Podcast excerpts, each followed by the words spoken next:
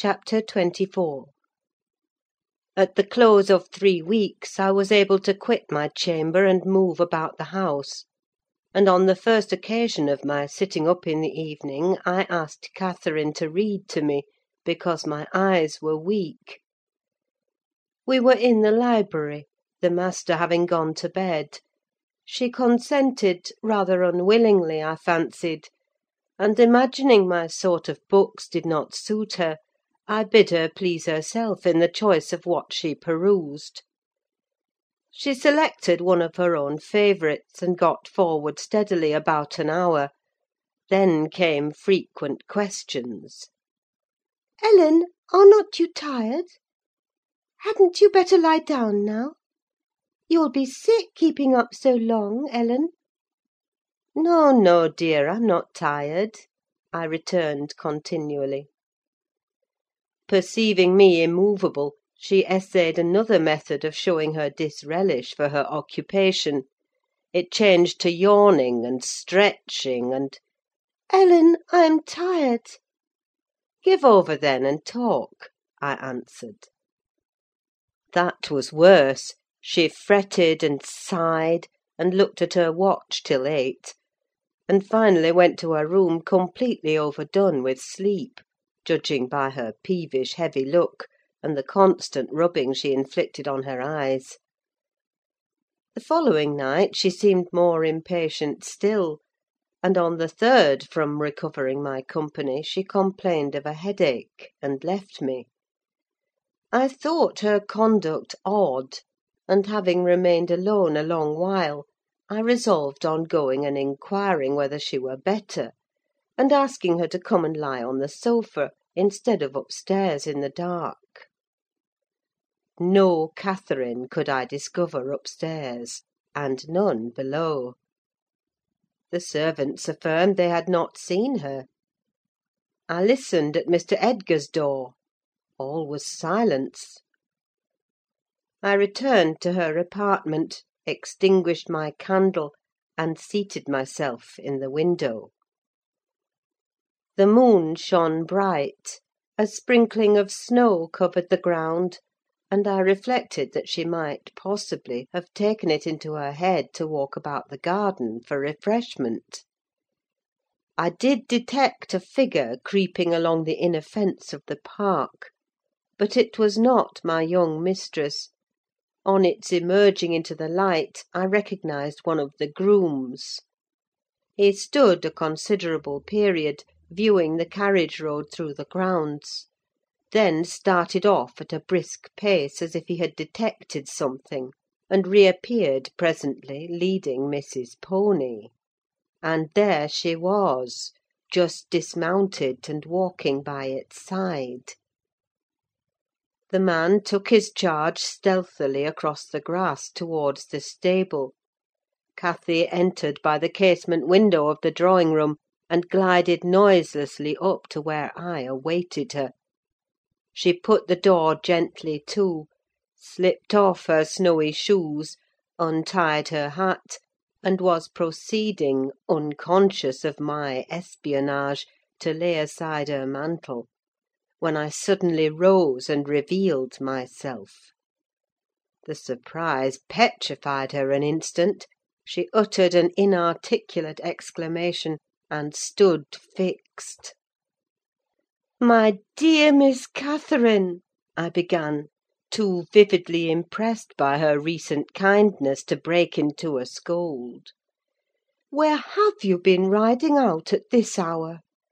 And why should you try to deceive me by telling a tale? Where have you been? Speak!" "To the bottom of the park," she stammered. "I didn't tell a tale." "And nowhere else?" I demanded. "No," was the muttered reply. "Oh, Catherine!" I cried, sorrowfully, "you know you have been doing wrong, or you wouldn't be driven to uttering an untruth to me. That does grieve me.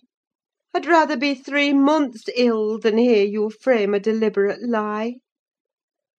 She sprang forward, and bursting into tears, threw her arms round my neck. "Well, Ellen, I'm so afraid of you being angry," she said. "Promise not to be angry, and you shall know the very truth. I hate to hide it." We sat down in the window seat. I assured her I would not scold, whatever her secret might be; and I guessed it, of course. So she commenced— "I've been to Wuthering Heights, Ellen; and I've never missed going a day since you fell ill, except thrice before, and twice after, you left your room. I gave Michael books and pictures to prepare Minny every evening, and to put her back in the stable: you mustn't scold him either, mind! I was at the Heights by half past six, and generally stayed till half past eight, and then galloped home. It was not to amuse myself that I went: I was often wretched all the time. Now and then I was happy: once in a week, perhaps. At first, I expected there would be sad work persuading you to let me keep my word to Linton; for I had engaged to call again next day when we quitted him; but, as you stayed upstairs on the morrow, I escaped that trouble.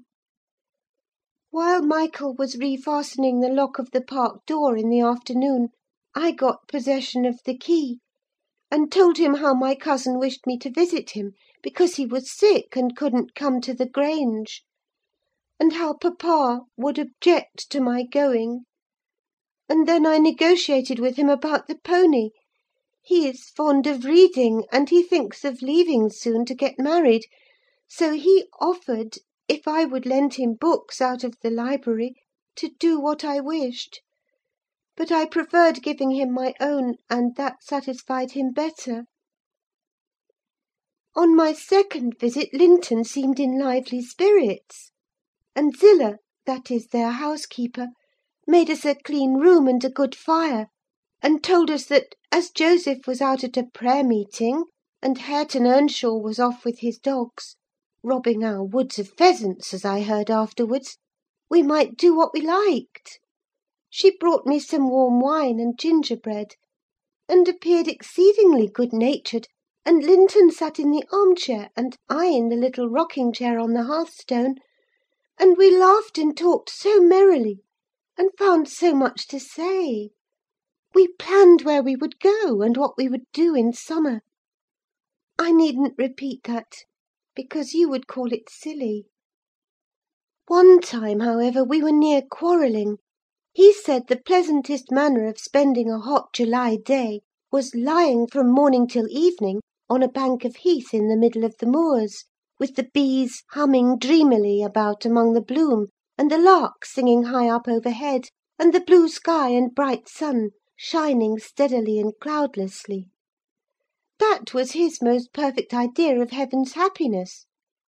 Mine was rocking in a rustling green tree, with a west wind blowing, and bright white clouds flitting rapidly above; and not only larks, but throstles, and blackbirds, and linnets, and cuckoos, pouring out music on every side; and the moors seen at a distance, broken into cool dusky dells; but close by, great swells of long grass undulating in waves to the breeze, and woods, and sounding water, and the whole world awake and wild with joy.